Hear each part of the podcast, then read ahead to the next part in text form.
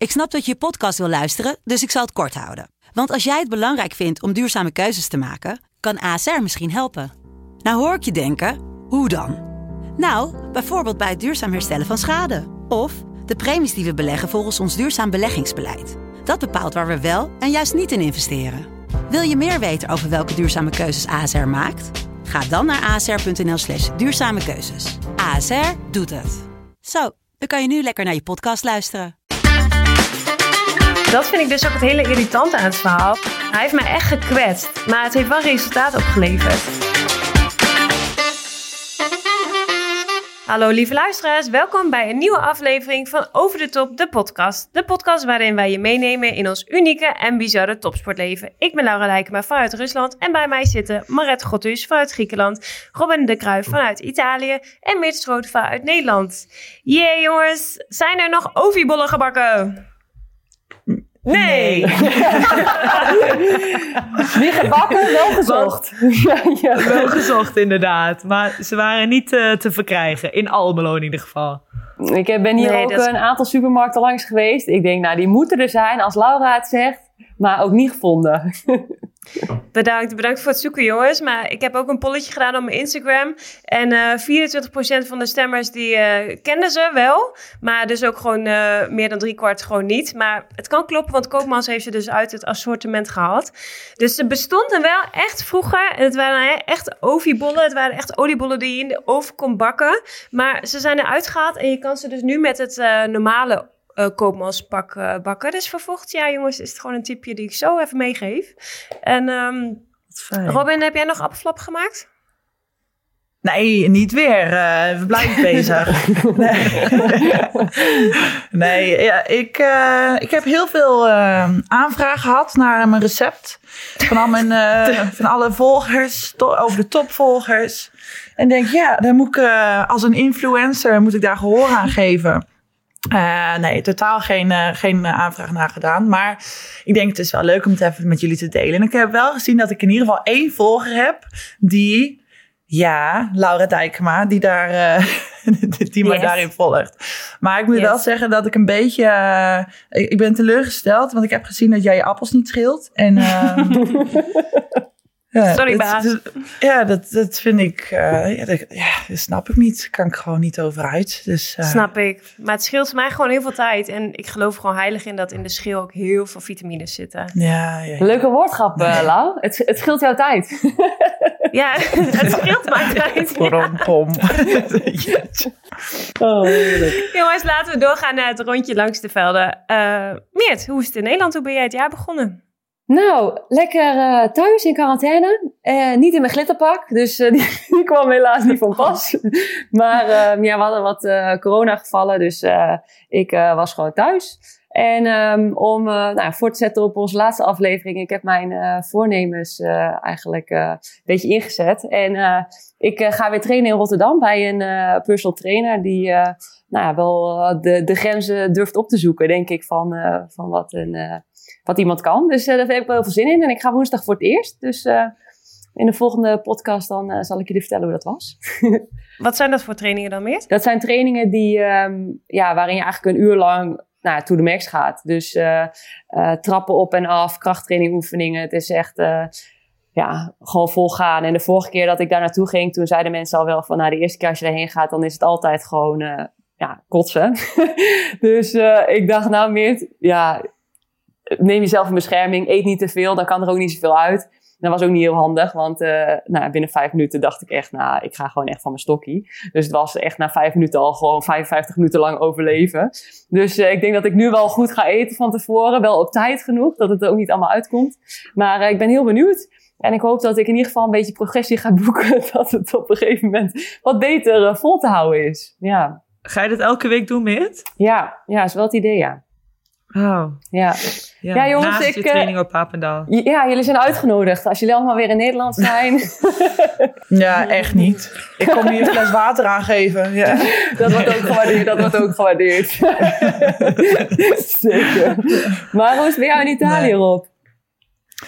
Ehm, ja, goed. We zijn eh, het jaar gelijk. Oh, ik moet even beginnen met. eh, ik heb een goede eh nieuwjaarsoutfit heb ik aangehad. Heb je het gezien, Maret? Zo. Ja, ik vond het echt Ehm, impressive. Ja. Ja, want ik dacht, na, na, dat, eh, na de kritiek die ik heb gekregen voor mijn kerstoutfit, dacht ik, nou, dan moet ik nu wel even helemaal eh, over de top gaan, om het er even bij te houden. En dus, eh, nou, dat wil ik even benoemen. We hebben een leuk feestje gehad. Daarna zijn we eigenlijk heel snel eh, weer van huis weggegaan, omdat we de bekerfinale hadden. Halffinales waren al een beetje gek, omdat ehm, de tweede halve finale niet werd gespeeld vanwege een team dat zoveel COVID-gevallen had. Dus dat werd gewoon helemaal geannuleerd. Tegenstander direct naar de finale. Wij hebben wel gewoon eh, eh, gespeeld. En uiteindelijk de dag daarna dan de beker gewonnen. Dus het was een eh, mooi begin van het nieuwe jaar. Nou, bedankt jongens. Bedankt. Gefeliciteerd. Een nieuwe Ja, prijs. Ja. Kan je maar Ja, in je zak maar- hebben in 2022. Ja. Nou, hopelijk komt er nog wat daarna. En eh, dat was hem. Maret? Ja, eigenlijk heel rustig. We hebben al twee wedstrijden gespeeld in het nieuwe jaar. En eh, ja, allebei gewonnen. We hebben wel een aantal coronagevallen in het team. Dus we moeten deze week een beetje kijken hoe we, eh, hoe we eh, zaterdag gaan spelen. Er zijn nu twee gevallen. Als we meer dan vier hebben, dan wordt de wedstrijd gecanceld. En hebben we automatisch verloren. Ehm, Hmm. Dus eh, ja, dus dat even in de gaten houden. Maar voor de rest ze liggen we nog op schema. hey, en dat maakt niet uit welke vier gevallen. Stel je voor dat er twee spelverdelers zijn en, en twee middens bewijs van. Dan gaat de wedstrijd alsnog door. Dan zoeken jullie het maar uit hoe je dat positioneel eh, Ja. Ja. Oké. Dan kunnen we misschien twee vier spelen. Oké, ja, leuk. ja. En bij jou, Lau? Ja, mijn jaar is eigenlijk ook heel rustig begonnen. Ik, ben, eh, ik heb oud en nieuw heb ik, eh, alleen gevierd op mijn bed eh, met eh, Netflix. Want er zou een oud teamgenootje van vorig jaar zo naar mij toe komen. Maar die, eh, die is uiteindelijk niet gekomen vanwege slecht weer met vliegen. Kon allemaal niet. Dus toen waren andere teamgenootjes waren al weggegaan. Dus toen ben ik alleen achtergebleven in Sint-Petersburg. Heb ik lekker het nieuwe jaar in mijn eentje ingeluid. Maar ik moet zeggen dat ik het eh, heel relaxed vond. En eigenlijk wel heel lekker. Want ik was eh, een paar dagen daarvoor was ik voor 20 uur eventjes naar Amsterdam heen en weer gevlogen voor een no- notarisafspraak. Dus ik was daar nog best wel moe van. En ik vond het wel helemaal prima. Dus het jaar is hier ook heel rustig begonnen. En ja, kan er ook niks meer van maken. Nee. We gewoon eh, lekker Prima toch? Lau, ik ben wel gewoon voor mezelf heel erg benieuwd. Eh, Heb je nog wel Poetin naar gekeken, die speech? Of dat heb je Ja. niet meer? Nou, dat wou ik dus echt per se doen. Omdat ik dat ook natuurlijk in de vorige aflevering bij de podcast had eh, vermeld. En ik denk, nou, dat is misschien leuk voor de socials. Ga ik even filmen. Nou, en ik heb mijn tv hier dus nooit aan. Dus het was kwart voor twaalf. En ik denk, oh yes, Poetin komt zo om twaalf uur op tv. Ik zet mijn tv alvast aan. Ja, de hele tv heeft geen net. dus ik had alleen maar een zwart, een zwart beeld. En ik denk, nou ja, jammer, helaas. Dus eh, nee, heb ik, heb ik helaas gemist dit jaar. Ik heb zijn speech gemist. Maar goed, Ach, eh, ik had hem toch niet verstaan. Dus jammer. Hey meiden, laten we eh, naar het hoofdthema gaan eh, van deze aflevering. Want je kan met over de top natuurlijk altijd lachen. Maar in deze aflevering laten we ons ook wat van de serieuze kant zien. Ehm, een hot onderwerp in de sport is grensoverschrijdend gedrag. En vanuit de overheid loopt er sinds het najaar van 2021 een onafhankelijk onderzoek naar onze eigen topsportcultuur. Eh, onze volleybalbond, de Nevobo, is een van de drie bonden die meedoet aan het pilotonderzoek. En ehm, voordat we hier gingen beginnen, hebben we met elkaar ook al best wel wat discussie gehad van gaan we dit onderwerp echt bespreken of niet. Maar we wagen ons er gewoon aan en eh, we gaan dit beladen thema eigenlijk met elkaar bespreken. Dus eh, gaan we naar de eerste stelling. Stelling 1, topsport is hard. Atleten moeten dat op jonge leeftijd al ervaren. Robin. Nou, ik ben er half mee eens. Ehm, omdat het inderdaad heel erg hard is in de zin van... ehm, je gaat door iedereen beoordeeld worden. Dus ik denk dat voor, voor iemand eh, zijn eigen belang ook belangrijk is... dat ze een soort van afharden. Ehm, want wat wij doen, op een gegeven moment mensen zien bijna niet meer een persoon, maar alleen de atleet. Dus je hebt eh, je familie, de coaches, de medespeelsters, de fans, de media, eh, Jopie eh, op de hoek van de straat. Eh, iedereen heeft een mening over wat je doet. Dus ik denk in die zin moet je al heel erg afharden. En verder zijn we natuurlijk ook heel erg ehm, eh, grenzen aan het opzoeken om beter te worden. Dus dat is ook kritiek ontvangen. Ehm, af en toe ook van, ik weet nog dat ik nou ja, waar, waar we het eerder ook over hebben gehad. Ik was als jonger, toen ik jonger was helemaal, kon ik echt best wel een dromer zijn. Maar ja, in het belang van het team en ook van mezelf. Je, wil, je bent op een training en elke training is belangrijk. En daar, daar wil je gebruik van maken om daadwerkelijk beter te worden. Ehm, dat ik af en toe ook wakker gemaakt moest worden. Ehm, dus misschien ook wel op een niet zo'n leuke manier. Maar dat er wel even van, hé, hey, even kop er weer bij. Ehm, dus, maar hoe gebeurde dat dan, Rob? Hoe bedoel je dat? Waren dat dan teamgenoten die jou dan daarin wakker maakten? Of een coach? Of hoe gebeurde dat dan? Nou, door, door de coach of, of ook door teamgenoten. Gewoon, gewoon ja, met schreeuwen of gewoon even een aanmoediging. Maar wel op een redelijk uh, intense manier. Maar ik had wel altijd het gevoel dat het was oh, in mijn eigen belang. Weet je, dat ik daar daadwerkelijk van, oh ja, ik moet oppassen of ik moet opletten en uh, even de kop er weer bij, uh, bij houden. Um, dus in die zin ook wel gegrond, vind ik. Maar ik denk nou, dat vond je allemaal... dat toen ook al? Um, nou, ik vond, op, ik vond dat rond, ja, vond dat toen, ja, vind ik eigenlijk ik vond het niet heel vervelend of zo. Ik bedoel, het, was niet heel erg leuk om tegen geschreeuwd te worden, maar het voelde wel altijd als eh, in het dienst van het beter worden en uh, uh, je, je bent met het team, dus weet je, de rest is ook afhankelijk van hoe ik daar in het veld sta. Want als ik met mijn kop ergens anders ben, dan doet de rest, weet je, daar heb je wel een probleem mee. Dus ik heb dat wel altijd, ja, het was niet leuk, maar kon dat op zich best wel oké handelen. Ja, en ik denk nu tegenwoordig is het nog veel erger ook qua kritiek en zo. Omdat je nu tegenwoordig ook nog social media hebt. Waardoor iedereen heel makkelijk gewoon kritiek kan uiten. Uh, heel anoniem eigenlijk. En um, ja, daardoor wordt het wel steeds makkelijker om kritiek te krijgen. Dus ik denk juist ook dat de jeugd zeg maar, van nu, die de de, wat de toekomst is, daar echt wel weerbaar voor moeten zijn. En niet alleen voor de kritiek. Ik denk dat daar um, in de topsport, dat je daar die grenzen wel moet, moet verbreden. En inderdaad uit je comfortzone moet gaan. En dan maar het misschien af en toe de kritiek ook van teamgenoten of van coaches maar moet ondergaan, denk ik. Ja. Ja, ik denk ook wel toen ik uh, jonger was en dat het oudere teamgenoten me ook wel eens tegen me schreeuwden. Toen realiseerde ik me wel van ja, als ik de kantjes ervan afloop, ja, dan heeft het hele team er last van. Dus ik wist wel echt donders goed van, oh jongens, nu moet ik echt gas bij gaan geven, want uh, het is gewoon niet genoeg. En uh, ik merk zelf ook wel dat ik dat best wel tegen jongere meiden doe, die maar half voor een bal gaan of uh, zich niet volledig inzetten. Ja, daar kan ik echt boos om worden. En ja, dat is dan wel dat is dan wel hard en uit je comfortzone trainen, uh, treden inderdaad. En dat het niet altijd leuk is. Maar aan de andere kant, je bent wel zo ver gekomen doordat het soms mhm. niet leuk was. En uh, ik weet bijvoorbeeld zelf dat ik met Jeugd Oranje, dat we altijd in een kazerne gingen uh, in het weekend. en ik vond dat verschrikkelijk, want ik wilde eigenlijk met mijn vriendinnen op stap toen ik 15, 16 was. Um, maar om dat toch maar te doen, om uiteindelijk wel die top te halen en ja, uiteindelijk wel waar ik nu sta.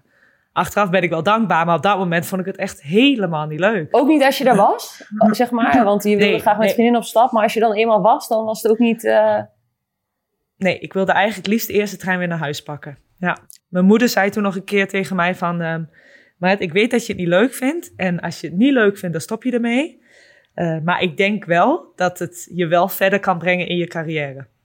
En, en dat, dat was voor jou ook de dat was voor jou dan ook echt de reden om daar uiteindelijk wel heen te gaan ook? Van de wil om daadwerkelijk bezig te worden en ook al een doel in je hoofd te hebben? En... Ja, want het doel was voor mij buitenland en Nederlands team uiteindelijk.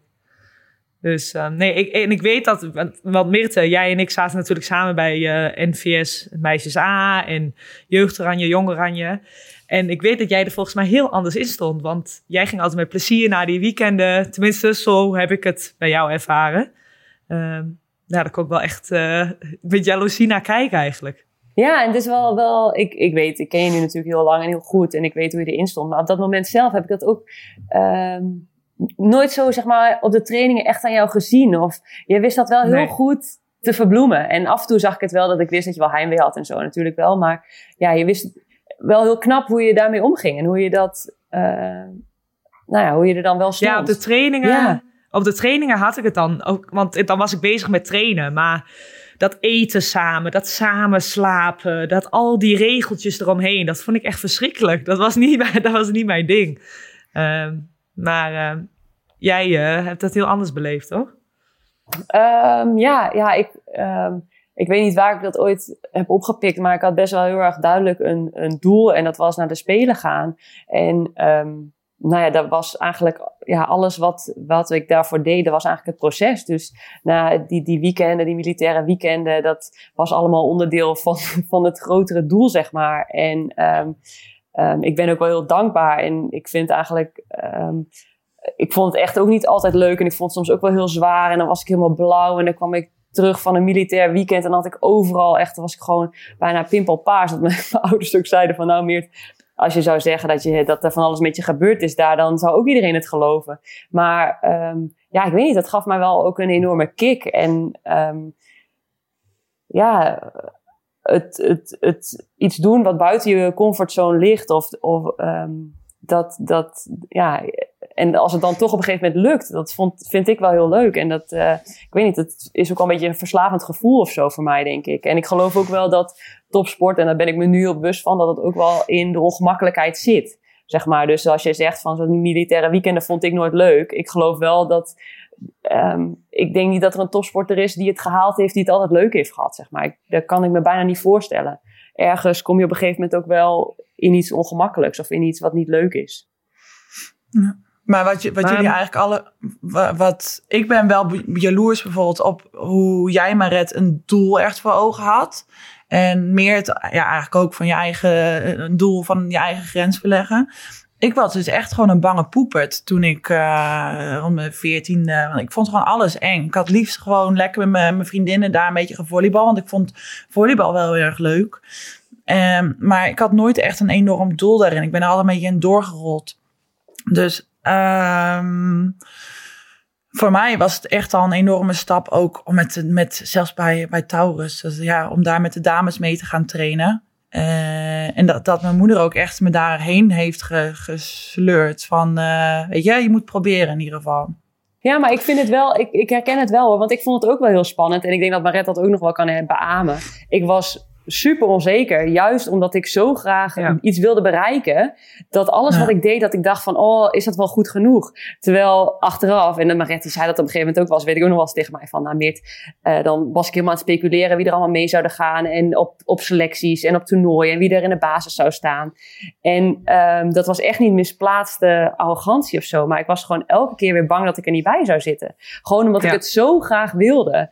Dus Mhm. het was, het is, ehm, ik, ik, eh, ja, ik, het is niet dat ik het altijd leuk Maar meer- of zo. Ja. Ik heb een vraag, want jij ging, we hadden dan training van 3,5 uur, we waren al helemaal kapot. En dan deed je vaak ook nog dingen extra. Maar deed je dat uit jezelf? Of denk je van, dacht je van, als ik extra doe, dan ziet de coach me en dan word ik eerder geselecteerd? Nee, ik, naar aanleiding van deze podcast heb ik dus ook heel veel dingen gelezen en zo hierover. En ehm, in een van zijn boek Grenzen verleggen is geschreven. En daarin zag ik ook dat topsporters heel vaak zichzelf dingen wijsmaken. En daar, moest ik echt een beetje om lachen. Want dat doe ik ook met hardlopen bijvoorbeeld. Van lantaarnpaal naar lantaarnpaal. Dan denk ik, oké, dan wil ik ergens stoppen. En dan denk ik, nee, Meert, als je die volgende lantaarnpaal weer haalt, dan win jij dit. En dan ben ik bij die volgende lantaarnpaal en dan zeg ik, nou, dan win ik dat. En dat was ook met push-ups. Dan dacht ik van, nou, dan had ik er tien gedaan of zo, ik zeg maar wat. En dan dacht ik, ja, iedereen doet er tien. Als jij echt de beste wil worden, dan moet je er elf of twaalf doen. Of als je echt, zeg maar, de top wil halen, dan moet je wel een stapje extra doen. Dus het was ehm, echt voor mezelf. En ook omdat ik dan dacht van, nou, anders haal ik niet het beste eruit. En ik kan er eigenlijk nog wel eentje. En misschien verloor ik ook af en toe wel de tel. maar nee, maar dat, ja, dat was wel- wel echt met mezelf te maken of zo. Ja.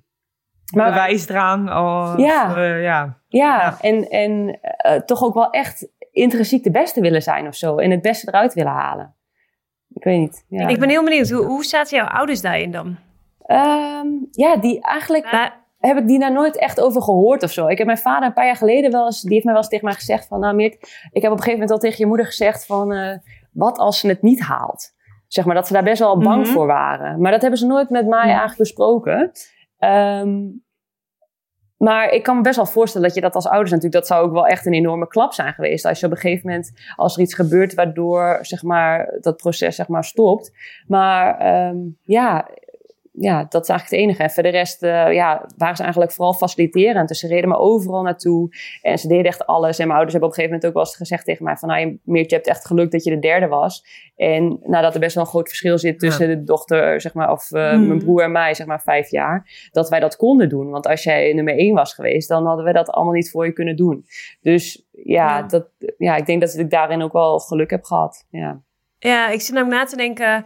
Um, ik, uh, ik heb misschien meer wat Robin heeft, inderdaad. Ik vond volleybal vroeger vooral heel erg leuk. En uh, op een gegeven moment bleek dan misschien dat je ergens wat meer talent of zo in had. En dan mocht ik bij, in Dwingelo toen met, vanuit meisjes A met dames 3 meetrainen, met dames 1 meetrainen. En uh, mijn ouders waren daar ook echt super supportive in. reden me ook inderdaad overal naartoe. Toe. Maar ik kon ook hele dag in de hal staan, maar omdat ik het leuk vond. Ik had op die leeftijd had ik nog niet per se zeg maar een doel voor ogen. En uh, ik weet wel dat ik bijvoorbeeld toen altijd super moe was op school. Dat ik op maandag van 4 tot 10 in die sporthal stond. En dinsdagochtend was bijna standaard dat ik het eerste uur miste op school. Omdat ik gewoon niet mijn bed uit kon komen. Maar um, ja, heb ik daarin zeg maar grenzen verlegd? Of, of was dat misschien soms te veel? Dat weet ik niet. Ik denk als je het leuk vindt, zeg maar dat het prima is. Maar heb je daar, wel, eens heb je daar wel eens gesprekken gehad, over gehad met je ouders? Dat ze daarna vroegen? Uh, nee, maar ze zeiden inderdaad wel gewoon van, weet je, als jij het leuk vindt, uh, dan helpen we je daarmee en dan doen we daar alles voor. Maar zodra ik het niet meer leuk vond, zeg maar, dan, dan was het ook helemaal oké. Dan mocht ik ook stoppen. Ik denk dat, dat ouders daarin wel een belangrijke rol hebben, ook voor de jeugd. Van dat het wel, uh, ja, dat het ook gewoon echt leuk blijft voor de kinderen, zeg maar. Ja. ja. Ik denk dat het wel ook echt heel lastig is, ja. Nou, ik zit te denken, want ik, ik, na, na, aan, naar aanleiding van uh, deze podcast, en uh, ik had het met mijn moeder erover inderdaad, dat we het hierover zouden gaan hebben. Um, en toen kwamen we dus ook aan het gesprek van, ja, zij heeft mij, um, weet je, na die trainingen met, met het nationaal team of, uh, of met dames 1 op dat moment van, van Taurus. En ja, dat waren allemaal dingen die ik op dat moment gewoon totaal niet leuk vond. En, uh, maar zij heeft wel altijd gezegd van, je, je moet het proberen. Maar als je het niet leuk vindt, dan kunnen we altijd vertrekken. Je kunnen altijd weg en dan hoef je het ook niet meer te doen. En uh, dat zij nu, voor het eerst hoorde ik dus, nadat, na, nu dat we daarover in gesprek raakten, dat ze ook zei van ja, na het zien van die documentaire over die turnsters, dat zij zelf ook echt wel eens getwijfeld heeft van heb ik er niet te veel gepusht. Want op dat moment zag ze ook echt, ik zat echt te janken in de auto. Maar ze zegt ook van ja, ik zag wel elke keer als jij in de hal stond, dat je het naar je zin had. En daarna gingen we ook altijd leuke dingen doen. Dus het was voor mij ook niet een vervelende ervaring uiteindelijk. Maar dat zij daar ook best wel, ja, dat, dat, die, die documentaire heeft haar best wel aan twijfelen gemaakt. En dat ze ook zei van ja, op het moment zelf is het ook een soort van uh, ja, onzekerheid. Wat is nou de juiste keuze? Want voor haar voelde het een soort van op dat moment als het je kind bij de crash achterlaat, weet je. Dat uh, loopt hij aan en uiteindelijk prima zijn zin heeft. En uh, dus grensverleggend. Maar dat, het is zo lastig. Van wat, wanneer is de grens bereikt? En ik denk ook dat als ouder uh, overzie je de situatie misschien ook meer in de, in de zin van... oh, het is een super mooie kans voor, voor je kind. Wat je als kind zelf op dat moment misschien nog helemaal niet uh, overziet... van wat voor kans je hebt of krijgt in het leven. Dus daarom ja. denk ik dat het heel goed is wat jij zegt, Rob. Van probeer het wel, maar heb wel plezier of zo. Ja. Ja. Ik moet wel zeggen, ik vind trouwens wel, om op die stelling terug te komen, dat topsport is hard. En dan moet je als, als jonge atleet al ervaren. Ik vind dat fysiek, zeg maar, is daar wel een grens in. Ik denk fysiek, uh, ben je, als je jong bent, moet je daar echt wel in bescherming worden genomen door ouders of door medische staf of wat dan ook. Want ik denk dat, dat je dat dan op een jonge leeftijd helemaal nog niet goed overziet en dat je je lichaam nog niet goed genoeg daarvoor kent. Ja. Ik denk ook wel echt dat een, uh, dat een fysiotherapeut daar heel belangrijk uh, in is. Uh, want als, als speelster wil je altijd wel doorgaan. En helemaal als je jong bent, dan zie je de gevolgen ook helemaal niet. Dan denk je, oh, een beetje pijn, daar kan ik wel doorheen. naarmate je ouder wordt, leer je je lichaam beter kennen. Maar als jonge speelster, ik denk dat een fysiotherapeut of een, of een, of een arts daar echt, ja, echt een speelster in bescherming moet nemen. Maar, ik ben wel nieuwsgierig, maar was jij toen jij jonger was bewust van dat er grenzen waren en dat zeg maar, uh, dit is wel oké, dit vind ik niet oké en dit gaat te ver en dit is te zwaar eigenlijk voor me? Was je... Ja, ik vond, die, ik vond dat in de, bij Jeugd Oranje vond ik het al best wel een, een, angstcultuur.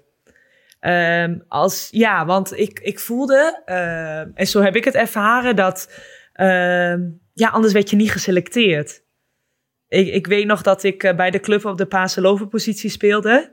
En uh, toen zou ik eredivisie gaan spelen, maar bij Jeugd Oranje was ik diagonaal. En uh, ja, toen zei de trainer wel van ja, als jij bij de club niet op de diagonaal speelt, dan heb jij, word jij waarschijnlijk niet geselecteerd voor het EK. En op dat moment dacht ik van oké, prima, weet je. Ik, ik, ik, heb, ik heb, ga nu eredivisie spelen en dat vind ik een geweldige kans. En ik ben eerder een Pasen loper dan een diagonaal. Uh, maar ja, achteraf is het best wel een uitspraak, vind ik. Ja. Ik vind dat heel en, sterk dat jij dat als jonkie zo uh, al zegt. Want ik ja. denk dat er heel veel anderen zijn uh, die we ook kennen... die dan daarvoor echt de positie zouden wisselen. Ja, maar ik weet ook niet. Ik, ik was al wel realistisch en ik, ik, ik was 1,80 op dat moment ook al. En toen dacht ik al van ja, maar ik ben geen diagonaal. Het is dat ik nu op de, in Jeugd Oranje hebben ze geen andere, dus sta ik op die positie. En dat vind ik, vond ik prima, want ik speelde in Jeugd Oranje, dus helemaal, helemaal oké. Maar eigenlijk ben ik meer een paase lopen. En dat idee had ik toen al wel. Dus ja, dat ik dat eigenlijk, ja, gewoon mijn eigen pad ben gaan volgen. Achteraf klinkt het heel makkelijk, maar dat was, ik vond het wel heel lastig dat, dat hij zo'n uitspraak uh, had. Ja. ja. Maar wel knap hoor, dat je dat op die leeftijd inderdaad, wat Lau zegt, al heel bewust van bent. En daarin ook je eigen keuzes en je eigen grenzen durft aan te geven en zo. Ik denk dat dat... Ja, maar dat heb ik dan niet tegen hem gezegd, hè. Dus achteraf, ik hield mijn mond op dat moment in het gesprek. En, en toen dacht ik bij mezelf, oké, okay, nou dan zie ik wel of ik geselecteerd word of niet. En uiteindelijk werd ik gewoon Hmm. geselecteerd. Um, maar ja, ja, dat was dan het risico wat ik nam. Maar ik durfde dat niet tegen hem te zeggen na dat gesprek. Nee. Nou, ik denk wel wat, wat jij net zei, uh, Maret, over uh, met, weet je, dat je jong bent uh, met pijntjes en zo. Ik denk topsport hoort wel bij dat je met kleine pijntjes wel doorgaat. Ik, ik vind dat heel lastig, maar ergens, ja. weet je, ik ben heel vaak door mijn enkel gegaan. En binnen, binnen een week of zo stond ik weer op dat veld. Ondanks dat dat medisch gezien helemaal niet, niet eens kan. Weet je wel, met afgescheurde ja. enkelbanden ja. of wat dan ook. Maar Red, jij hebt dat in Rio gedaan, met de Olympische Spelen. Vond, ja. ja. Zo. Wat had jij toen allemaal? Ja, ik had alles afgescheurd in een botsplinten. dus dat was helemaal niet zo lekker. Um, jouw been leek het was afgestorven vanaf je, onder jouw knie. Het was gewoon ja, helemaal ik was helemaal, ja, ja, zo, ja. ja klopt. Maar um, achteraf, het, weet je, het was de Olympische Spelen. Daarom heb ik het gedaan. Als het een WK of een EK was geweest, dan was het ook anders geweest. Maar we stonden na twintig jaar in de, op de Olympische Spelen. En dan gebeurde, gebeurde me dit in de tweede wedstrijd denk, ja jongens, je weet ook niet of we er over vier jaar weer staan. Mm-hmm. Dus uh, ik probeer het gewoon.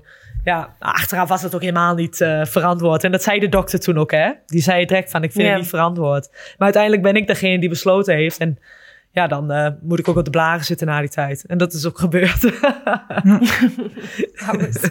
Zullen we doorgaan naar de volgende stelling? Yes. Ja. De volgende stelling is, mijn grenzen zijn wel eens overschreden. Meert. Um, nou, ik, het, ja, ik heb ook natuurlijk echt wel lang over nagedacht over alles, uh, zeg maar, hoe mijn topsportcarrière is gegaan. En um, ik ben eigenlijk wel tot de conclusie gekomen dat ik, denk ik, uh, toen ik jong was, eigenlijk geen grenzen had. Ik ben best wel heel goed gelovig opgevoed en best wel uitgaande van het beste van de mens. En um, uh, daardoor, als ik ergens was, zeg maar met jeugdoranje, met jongoranje, um, dan uh, ging ik er altijd vanuit dat, dat alles wat er gebeurde en wat een coach deed, dat dat was om mij beter te maken. Dus um, eigenlijk, ja, tussen aanhalingstekens kon je alles met me doen, want ik ging ervan uit dat ik daar beter van werd. En daardoor, um, uh, ja, ging ik, of werd ik ook nooit over een grens geduwd of zo. En achteraf, nu als ik terugkijk, natuurlijk denk je wel eens van, nou ja, heeft dat echt bijgedragen om mij een betere volleybalster te maken. Maar op dat moment zelf heb ik dat, heb ik me daar eigenlijk nooit over nagedacht zelfs. Ik weet nog dat ik, um, nou ik weet niet hoe oud ik was, maar dat ik op een gegeven moment bij mijn oom en tante was. En ik vertelde altijd wel verhalen over wat er dan gebeurd was, maar gewoon enthousiasme en um, nou ja, soms ook wel natuurlijk extreme dingen.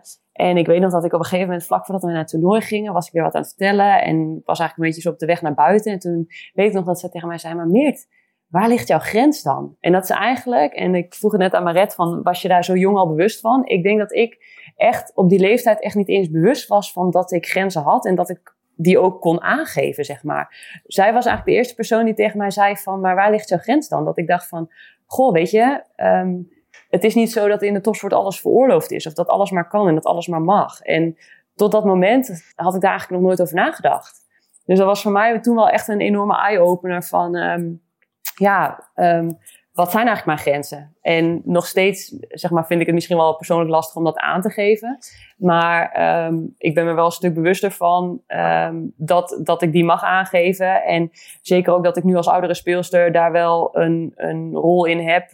ook voor de jeugd, zeg maar, voor de jongere meiden nu bijvoorbeeld die misschien niks durven te zeggen. Dat als er dingen gebeuren die ik denk niet bijdragen aan om iemand beter te maken. Of nou ja, um, uh, iemand misschien wel bewust um, heel veel verdriet doen. Dat ik denk van ja, weet je Meert, uh, als jij niks zegt, zegt niemand wat. En dat ik die rol ook wel vind dat ik die op mij moet nemen. En ja, dat vind ik wel belangrijk. Het is misschien wel goed om even te zeggen wat, wat de definitie van grensoverschrijdend gedrag is die hebben we natuurlijk opgezocht.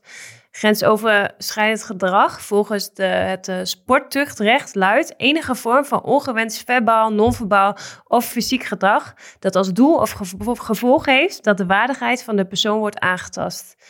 Dus ik denk, het is ook super subjectief ja. natuurlijk. Ja, en het is ook um, iets, uh, en daarom is het ook, zeg maar, um, voor mij is daarin vertrouwen heel belangrijk. Op het moment dat ik vertrouwen heb in iemand, dan geloof ik dat alles wat er gebeurt, er is om, um, ja, niet om mij kapot te maken. Dus dat die waardigheid zal er voor mij altijd zijn, zeg maar.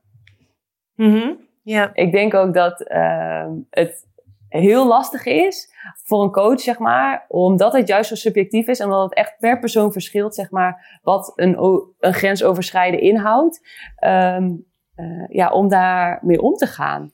En we hadden net maar, over... Maar Meert, heb, heb, je, heb jij uh, je wel eens ongemakkelijk gevoeld of gevoel gehad dat uh, grens bij jou werd overschreden?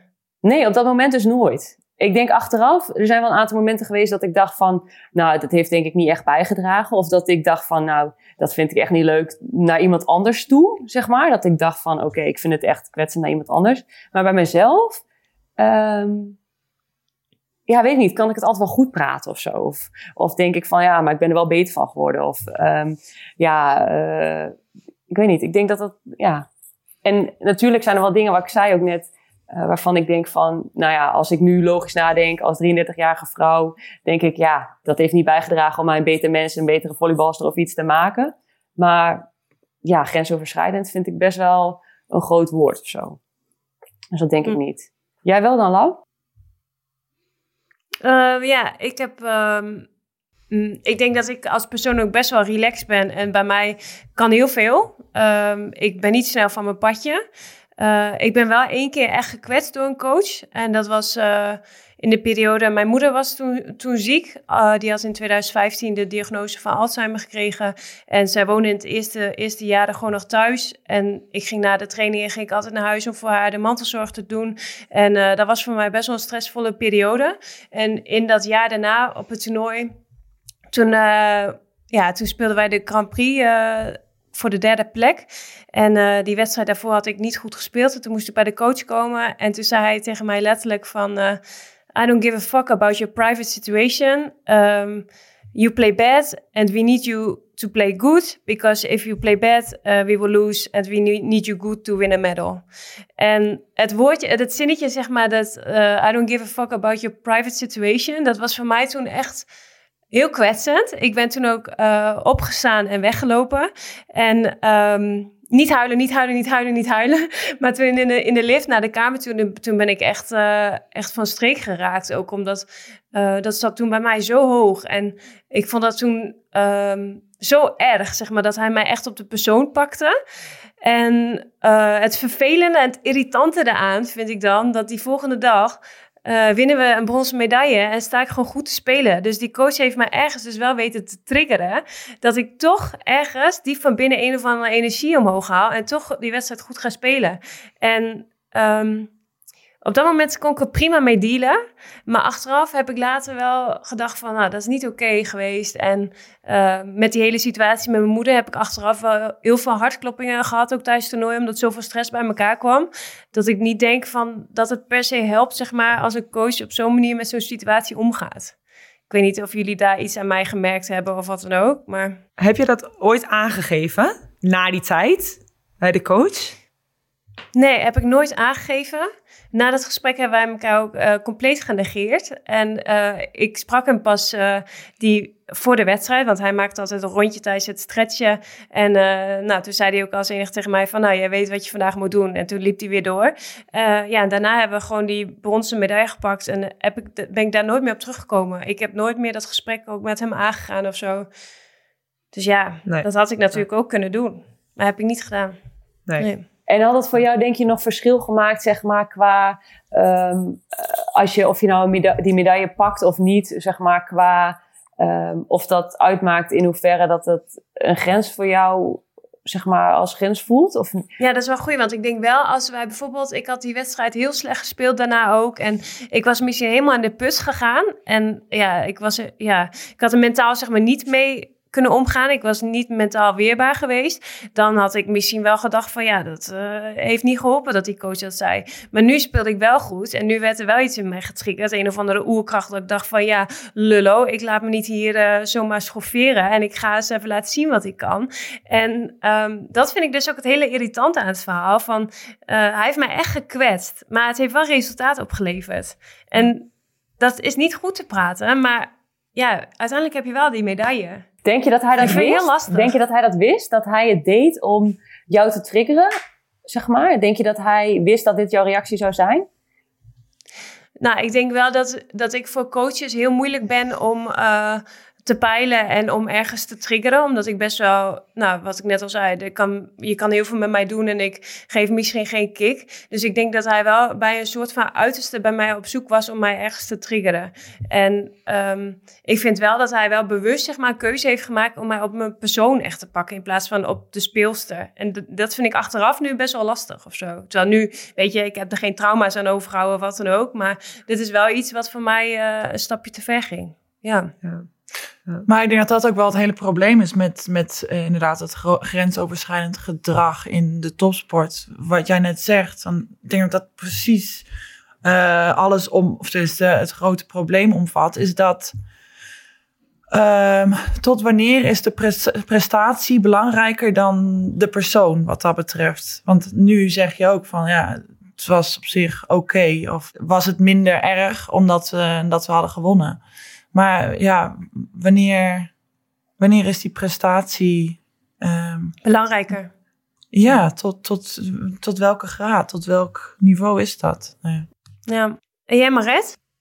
Nou, bij mij is het wel een beetje een ander eh, verhaal geweest. Want ik heb bij meerdere clubs gezeten waar ik niet betaald kreeg. En uh, dat is voor mij, uh, ja, ook daar ga je bij mij een grens over. Uh, ik uh, ga naar alle trainingen, ik ga naar alle meetingen van het team, ik ga naar elke videomeeting. Um, en dan uh, komen ze aan het eind van de maand van ja, we hebben geen geld. En natuurlijk, ik snap het als club, soms heb je het niet. Uh, dan moet je, krijg je na één of twee maanden.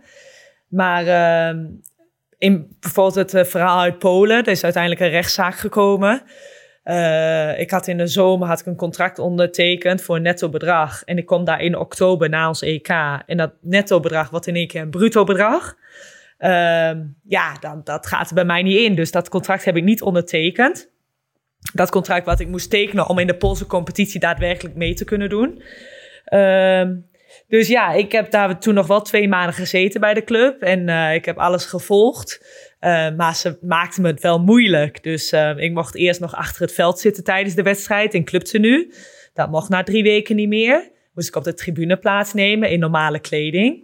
Ik mocht op een gegeven moment niet meer mee naar uitwedstrijden. Uh, nou, vond ik achteraf helemaal niet erg, want ik moest 13 uur in een bus zitten. en, uh, en, je weet dat je niet gaat spelen, dus uh, ja, laat ja. me dan maar lekker thuis. Maar uh, ja, van dat soort dingen, dat maakt het niet makkelijk als speelster. Want je zit in een vreemd land en je president van de club heeft alle macht. Ehm, maar ik heb geweigerd om te tekenen en het werd echt een principe kwestie voor mij. Ehm, dus na twee maanden ben ik daar ook vertrokken. Eh, er is een rechtszaak gekomen en dat heeft drie jaar geduurd. Eh, dus ik heb vaak ook gedacht van, oh, waar ben ik aan begonnen? Ik had misschien gewoon moeten tekenen. Eh dan was ik van alles af geweest, had ik gewoon een seizoen gehad. Had ik niet hoeven verhuizen van Polen naar Nederland en van Nederland weer naar Italië, naar een nieuwe club. Ehm, maar oh, ik had aangezegd en ja, ik moest van mezelf ook B zeggen van, joh, er is een grens. En eh, we hadden een afspraak gemaakt, daar hou je je niet aan. Ja, dan, eh, dan ga ik niet in keer automatisch akkoord met een nieuwe afspraak. Nou, ze probeerden je ook haast zo weg te pesten met al die nou, dingen. of het zo moeilijk maken dat ik wel zou tekenen. Ja. Ehm, en eh, ja, dat heb ik uiteindelijk niet gedaan. En daar ben ik achteraf wel heel trots op dat ik, dat ik gewoon voet bij stuk heb gehouden. Terwijl het niet Maar eh, vond je dat moment, was. zeg maar, dat je, vond je dat moment dat je eh, toen daar wegging, vond je dat niet heel lastig? Ja, want ik, ik, ik had dus heel veel contact met advocaten. En die zeiden ook van... eh nou, er zou, er- het was op een vrijdag. Zeiden ze van, nou, het komt allemaal goed. De president wil tekenen. We zetten alles op de mail. Nou, dan horen we maandag het, het antwoord.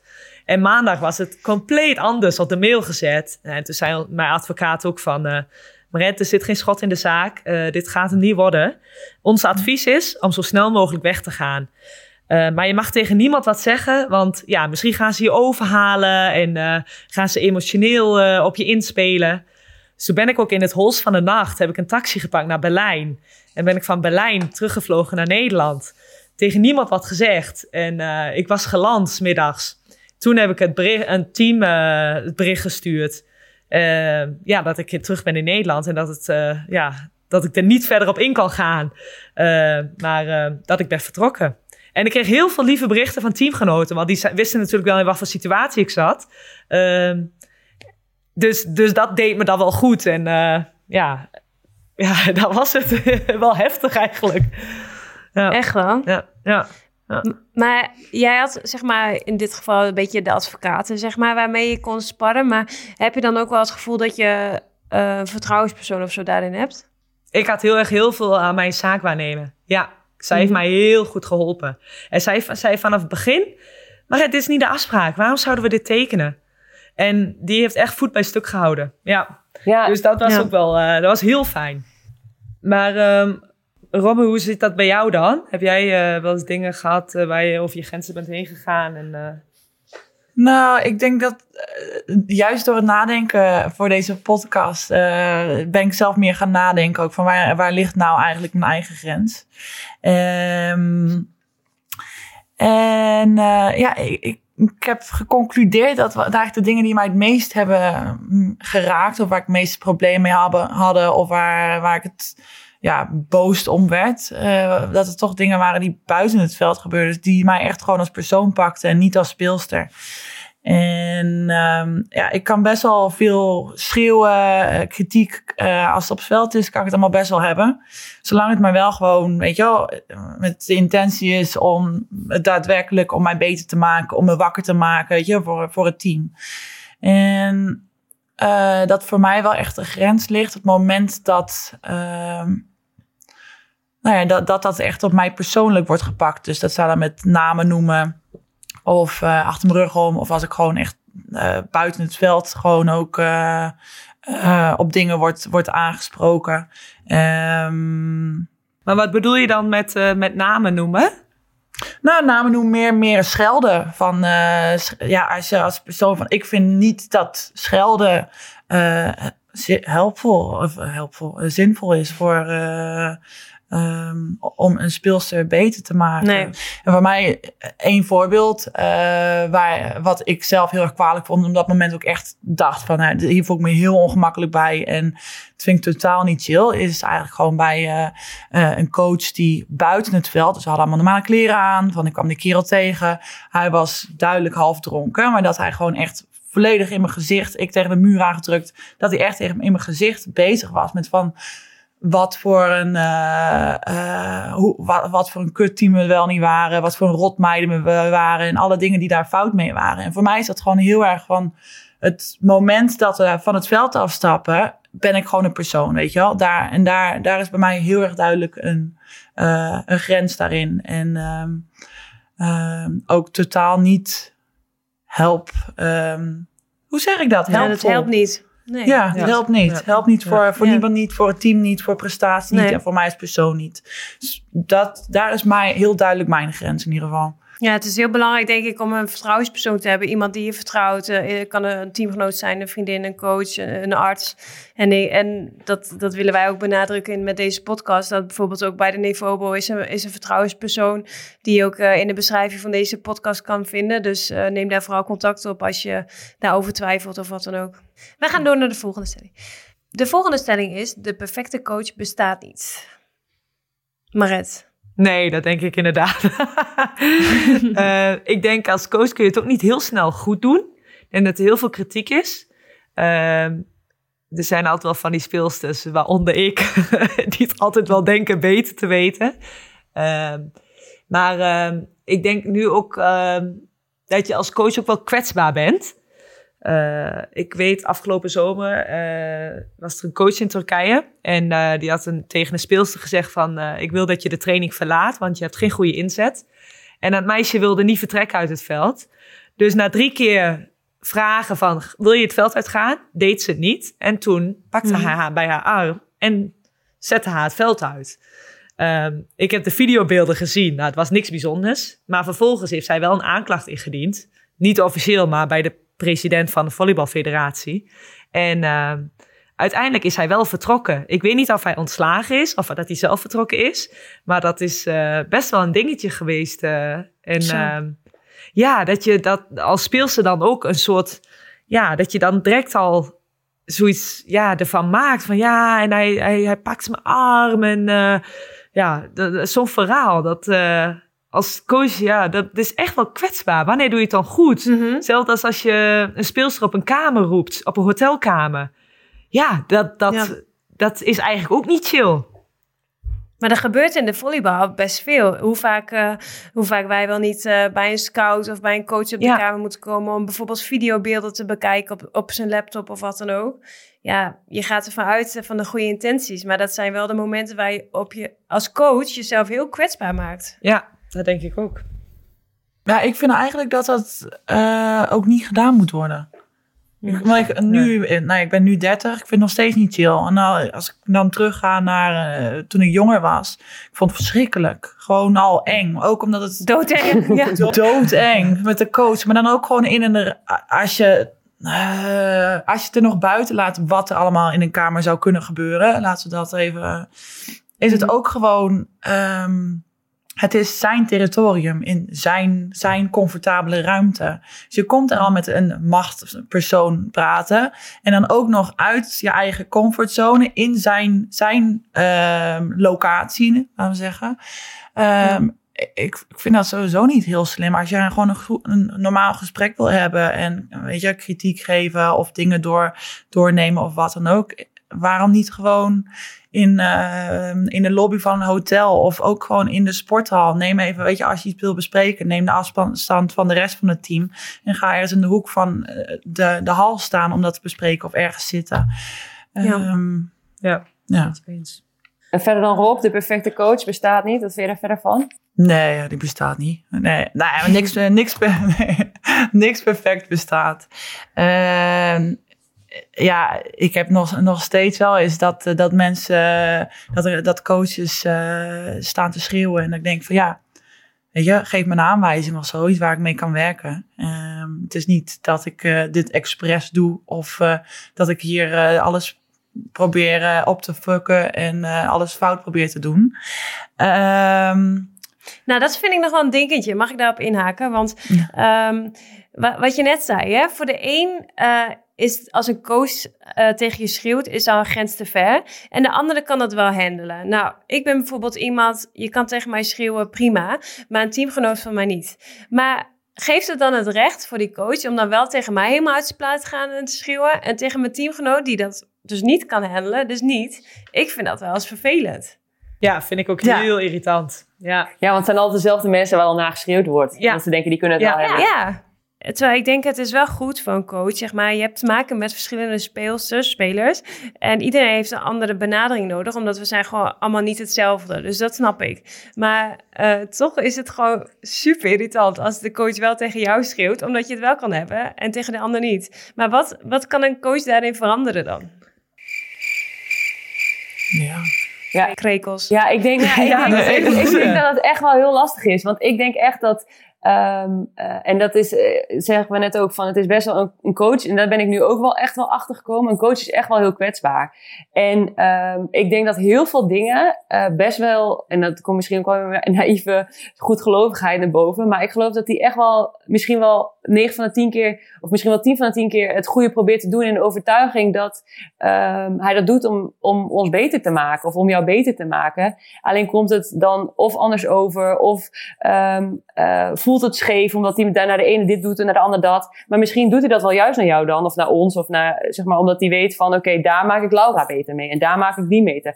Terwijl het voelt heel oneerlijk, waardoor jij misschien wel denkt van ja, dit, vind ik echt heel oneerlijk gedrag. Want dan gaat hij proberen iemand persoonlijk te benaderen en iedereen persoonlijk dat te geven wat iemand nodig heeft. En dan is dat ook niet goed. Dus wa wat is dan wel een juiste eh, aanpak, Mhm. zeg maar? Ik denk dat, ja, dat het heel lastig is, ook als coach zijnde. Ja, is ook zo. Is ook heel lastig.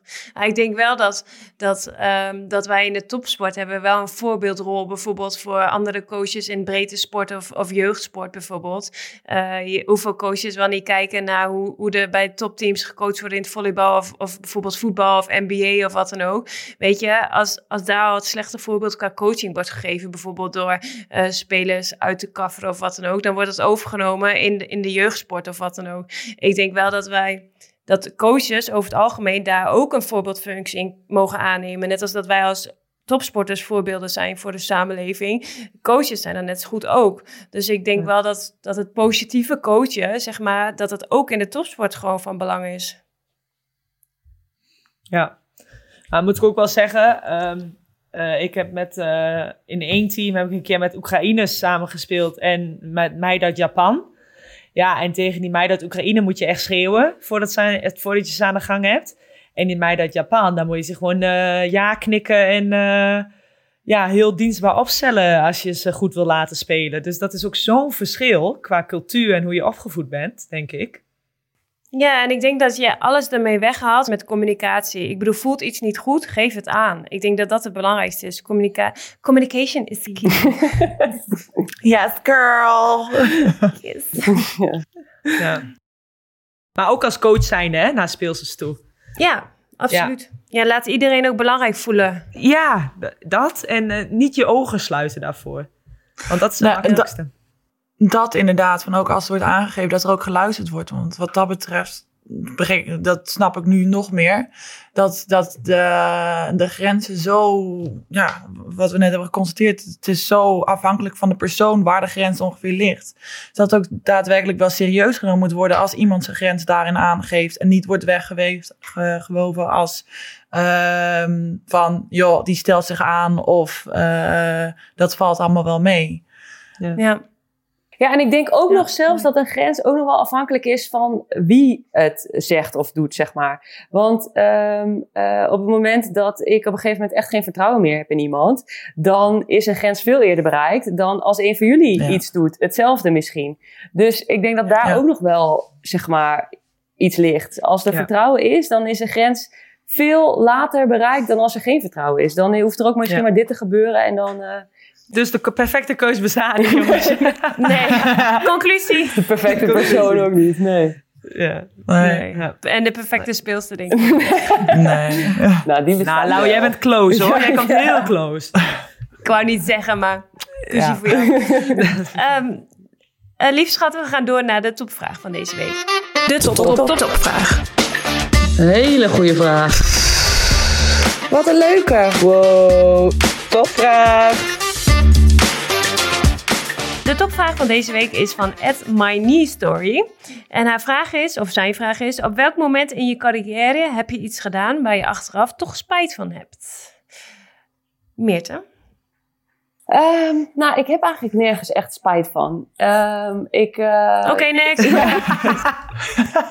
Jij, Lau? Ah, ja, wat ik net uh, aangaf uh, eerder in de podcast, dat ik uh, op een gegeven moment echt wel last kreeg van hartkloppingen en zo. Dat ik heel veel stress ervaarde, vooral in combinatie met mijn privé-situatie. En ik heb dat eigenlijk nooit echt verteld. Ik denk dat Maret als mijn kamergenoot dat wel heel erg duidelijk toen heeft meegekregen. En voor de rest heb ik dat niemand van het team ook niet verteld, want ik vond dat dat mijn eigen probleem was. Ik wou het team daar niet mee belasten en de hele omgeving niet mee belasten.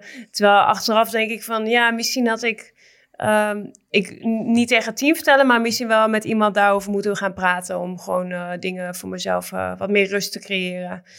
Uh, maar gelukkig heb ik nu geen hartkloppingen meer en is alles opgelost. maar nee, dat is wel, nee, maar het is wel serieus natuurlijk dat, dat ik daar wel met die stress allemaal te lang heb mee doorgelopen. Daar ben ik mezelf aan tegengekomen. Ja. ja. Dus ja. jij mag het.